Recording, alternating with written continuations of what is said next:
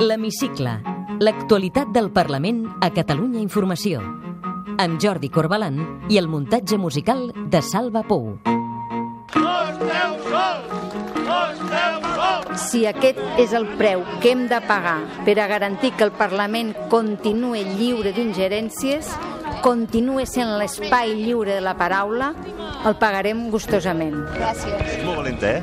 Un gran exemple. Els tribunals i les urnes centren la crònica parlamentària de la setmana. La presidenta Forcadell i els membres sobiranistes de la mesa han començat a declarar al Tribunal Superior per la votació de les resolucions del debat de política general sobre el referèndum. Això mentre el govern activava el mecanisme administratiu per comprar 8.000 urnes. Benvinguts a l'hemicicle. L'Hemicicle. L'actualitat del Parlament a Catalunya Informació. Govern, entitats i partits sobiranistes acompanyen Forcadell i els membres de la mesa fins al Palau de Justícia. No defallirem, hem vingut avui, tornarem divendres, tornarem sempre que faci falta. Nosaltres sempre estarem al costat de la democràcia. Un desig molt ferm i molt decidit a poder votar sobre el futur d'aquest país. Al carrer també hi haurem de ser nosaltres i hi haurà de ser la gent. Els partits unionistes en fan una lectura diferent. Esto era un ejecutivo tratando de presionar al Poder Judicial. El procés independentista cada dia tenen menys suport Junts pel Sí i la CUP liquiden de facto la comissió d'investigació per l'anomenat cas Santi Vidal. Esto ha sido una deslealtad parlamentaria sin precedentes. Es un fraude democrático. No donar resposta i no donar veu a aquelles persones que d'una forma majoritària han expressat la seva voluntat a través d'unes urnes, això sí que és un frau. I avui ens contesta en una frase al qüestionari de l'hemicicle Joan Josep Nuet, sóc diputat del Parlament de Catalunya, sóc també el secretari tercer d'aquest Parlament, de la seva mesa.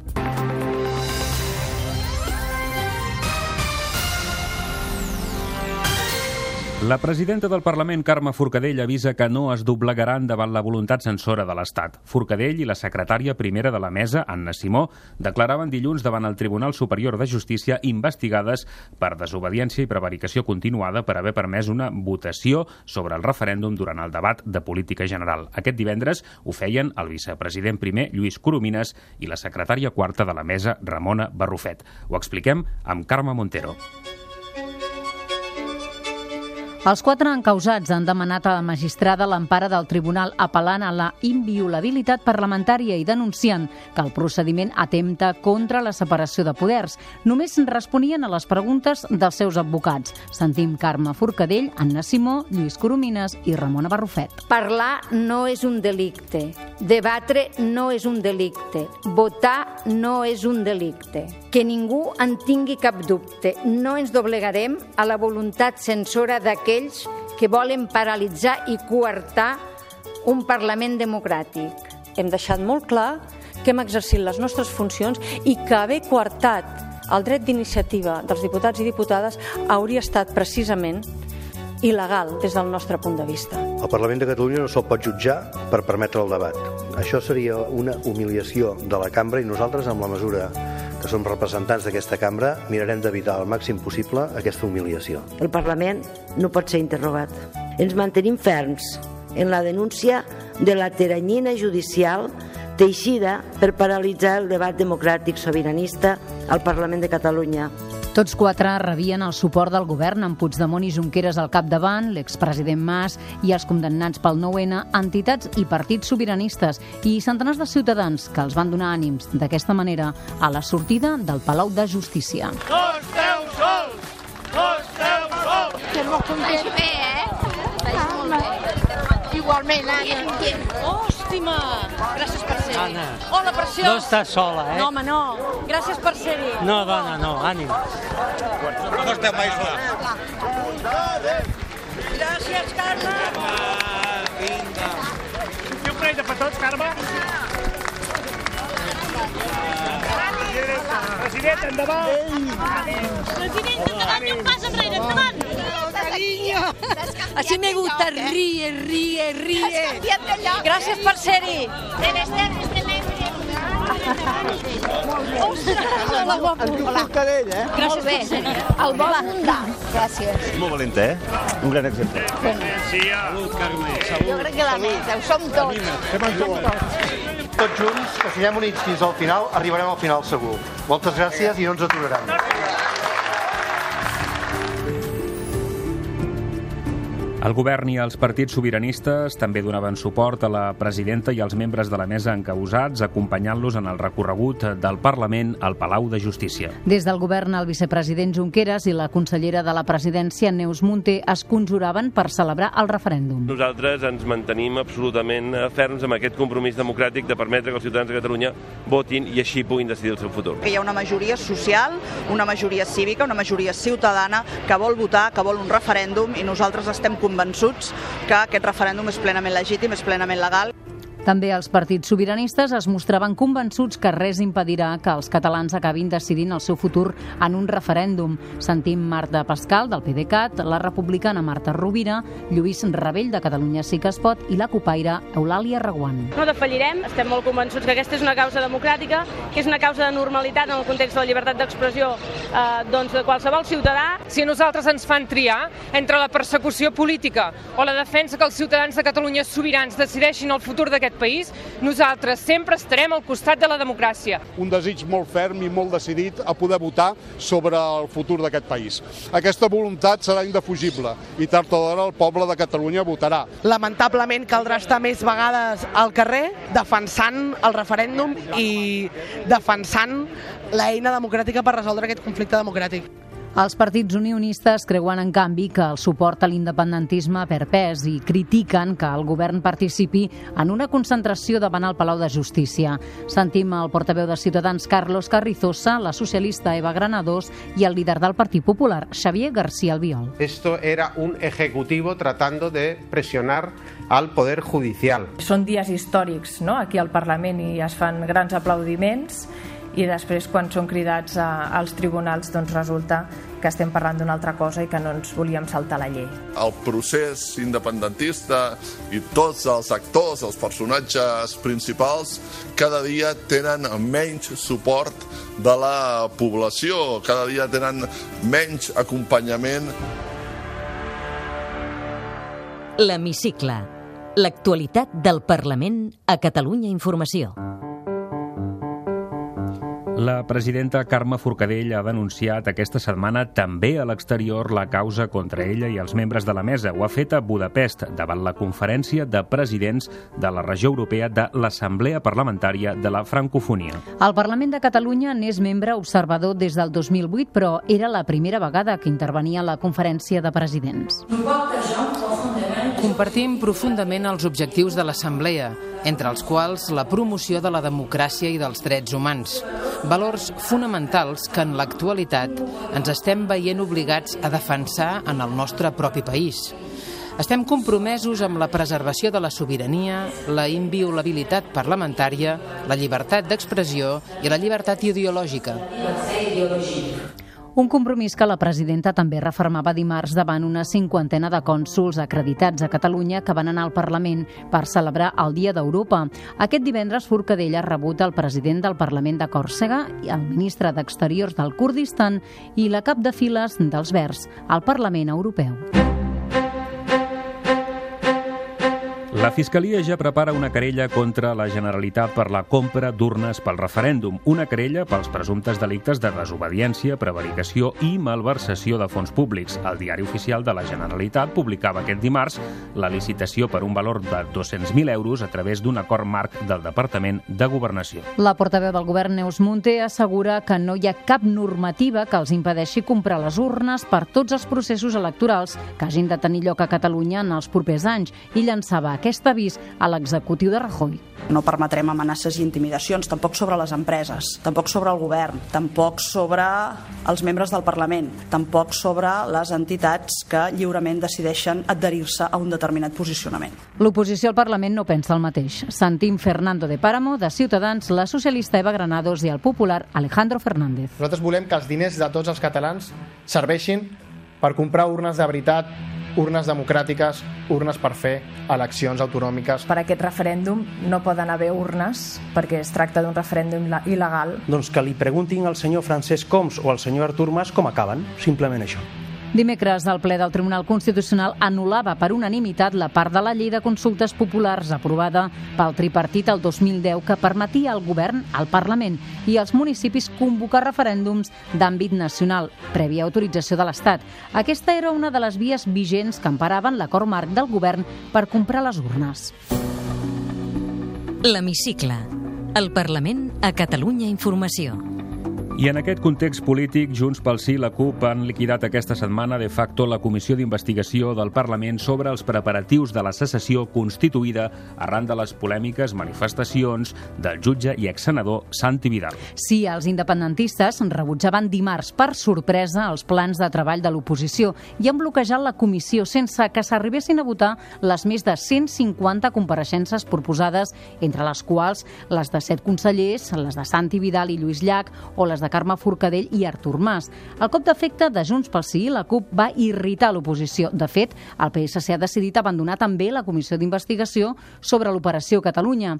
Sentim els portaveus de Ciutadans Carlos Carrizosa, del PSC Eva Granados i del Partit Popular Alejandro Fernández. Esto ha sido una deslealtad parlamentaria sin precedentes. Es un fraude democrático. El grup parlamentari socialista ha comunicat a la presidenta del Parlament que abandonem eh, la nostra presència a la comissió d'investigació aquesta de la secessió i també a la de l'operació Catalunya. Se ha demostrado que han inventado un nuevo instrumento supuestamente democrático, que es la Comisión Mordaza. Des de les forces independentistes replicaven el diputat de Junts pel Sí, Bernat Soler i la copaire Gabriela Serra. No donar resposta i no donar veu a aquelles persones que d'una forma majoritària han expressat la seva voluntat a través d'unes urnes, això sí que és un frau. Participem d'una majoria parlamentària independentista i aquesta majoria parlamentària independentista és democràtica. La votació escardava la unitat sobiranista. Joan Coscubiela, de Catalunya Sí que es pot, feia aquesta avisa a Junts pel Sí i la CUP. Us heu equivocat, sincerament, i crec que heu tirat pedres sobre la taulada del, del referèndum. No és això, companys, no és això. Ara el Parlament haurà de prendre la decisió formal de donar per tancada la comissió d'investigació més efímera de la cambra catalana. També Junts pel Sí i la CUP vetaven aquest dijous que dos experts en dret constitucional compareguin a la comissió del Parlament que ha d'aprovar la reforma del reglament que es podria utilitzar per a una desconnexió express. La majoria independentista rebutjava les compareixences dels catedràtics de dret constitucional Joan Vintró i Xavier Arbós, que havien demanat al PSC i Catalunya sí que es pot. Jordi Turull, de Junts pel Sí, i el copaire Benet Salelles consideren que aquest és un debat polític i que el Parlament ja té els seus propis lletrats per assessorar lo És nosaltres que a l'hora de posar-nos d'acord haurem d'aplicar la política més que la tècnica jurídica que ens la garantiran, insisteixo, els lletrats del Parlament. És un marc polític més que un marc jurídic un, on hauríem de discutir les coses en l'àmbit de la política i no tant en l'àmbit del que diguin els experts en dret, la decisió va irritar l'oposició després que la majoria independentista ja hagués bloquejat la comissió per l'anomenat cas Santi Vidal. Sentim el líder del PSC, Miquel Iceta, i el diputat José María Espejo, de Ciutadans, que és el vicepresident segon de la mesa. Estem davant d'una segona agressió al Parlament. Es vol una democràcia de baixa qualitat, es vol fer avançar un projecte polític sobre la base de l'opacitat i de limitar el paper de l'oposició. Ja han perdido toda la vergüenza parlamentaria y simplemente consideran que el Parlamento es suyo y de nadie más. Els grups tenen un termini de 10 dies per presentar esmenes a la reforma del reglament. L'hemicicle. La mesa del Parlament donava llum verda dimarts a presentar la iniciativa legislativa popular que planteja modificar la llei de protecció dels animals per suprimir els correbous. Ara els promotors de la ILP hauran de fer la petició a la cambra per poder començar a recollir les 50.000 firmes necessàries perquè pugui arrencar la tramitació pròpiament parlamentària de la iniciativa. La setmana que ve hi haurà ple al Parlament. Aquesta setmana l'activitat a la cambra s'ha centrat en les comissions parlamentàries. La Generalitat elaborarà un codi de bones pràctiques sobre l'economia col·laborativa, ho anunciava dimecres el secretari d'Economia, Pere Aragonès. L'objectiu del govern és garantir una competència lleial entre els agents de l'economia col·laborativa i els sectors productius tradicionals. Pere Aragonès confia tenir la complicitat del sector. Acompanyar-ho d'un codi de bones pràctiques i d'acords de col·laboració en el sector és fonamental, perquè els acords de col·laboració en el sector també t'han de permetre l'accés a, un, a una matèria primera que és eh, potser de les més importants que tenen les empreses propietàries d'algunes d'aquestes plataformes, que és eh, les dades de l'activitat. La Federació Veus, una organització autogestionada per persones amb diagnòstic psiquiàtric, ha fet arribar a la Comissió de Salut el seu projecte Contenció Mecànica Zero. Edgar Vinyals, president de Veus, va reivindicar els drets de les persones amb problemes eh, de salut mental i va reclamar un canvi cultural per eliminar les pràctiques de contenció mecànica dels malalts psiquiàtrics. Per suposat que això implica recursos, però no és únicament gràcies als recursos. El principal repte que tenim és el canvi cultural. És que creiem que això és possible. El Parlament demana que s'aturi la tramitació del Pla Director Urbanístic Gran Via de l'Hospitalet de Llobregat. La Comissió de Territori aprovava dimecres una proposta de la CUP i Catalunya sí que es pot que reclama buscar consens social i polític. Sergi Saladier és diputat de la CUP. Entenem que és un projecte que no té eh, cap tipus de consens, ni social ni polític, no el té al municipi de l'Hospitalet, no el té a l'àrea metropolitana de Barcelona, tampoc lo té aquí al Parlament i a més a més eh, el fet de que Junts pel Sí hagi votat separadament amb un dels punts doncs, també demostra que no hi ha consens ni dins del propi govern. Té la paraula Hola, em dic Joan Josep Nuet, sóc diputat del Parlament de Catalunya, sóc també el secretari tercer d'aquest Parlament, de la seva mesa, i sóc de l'espai polític dels comuns.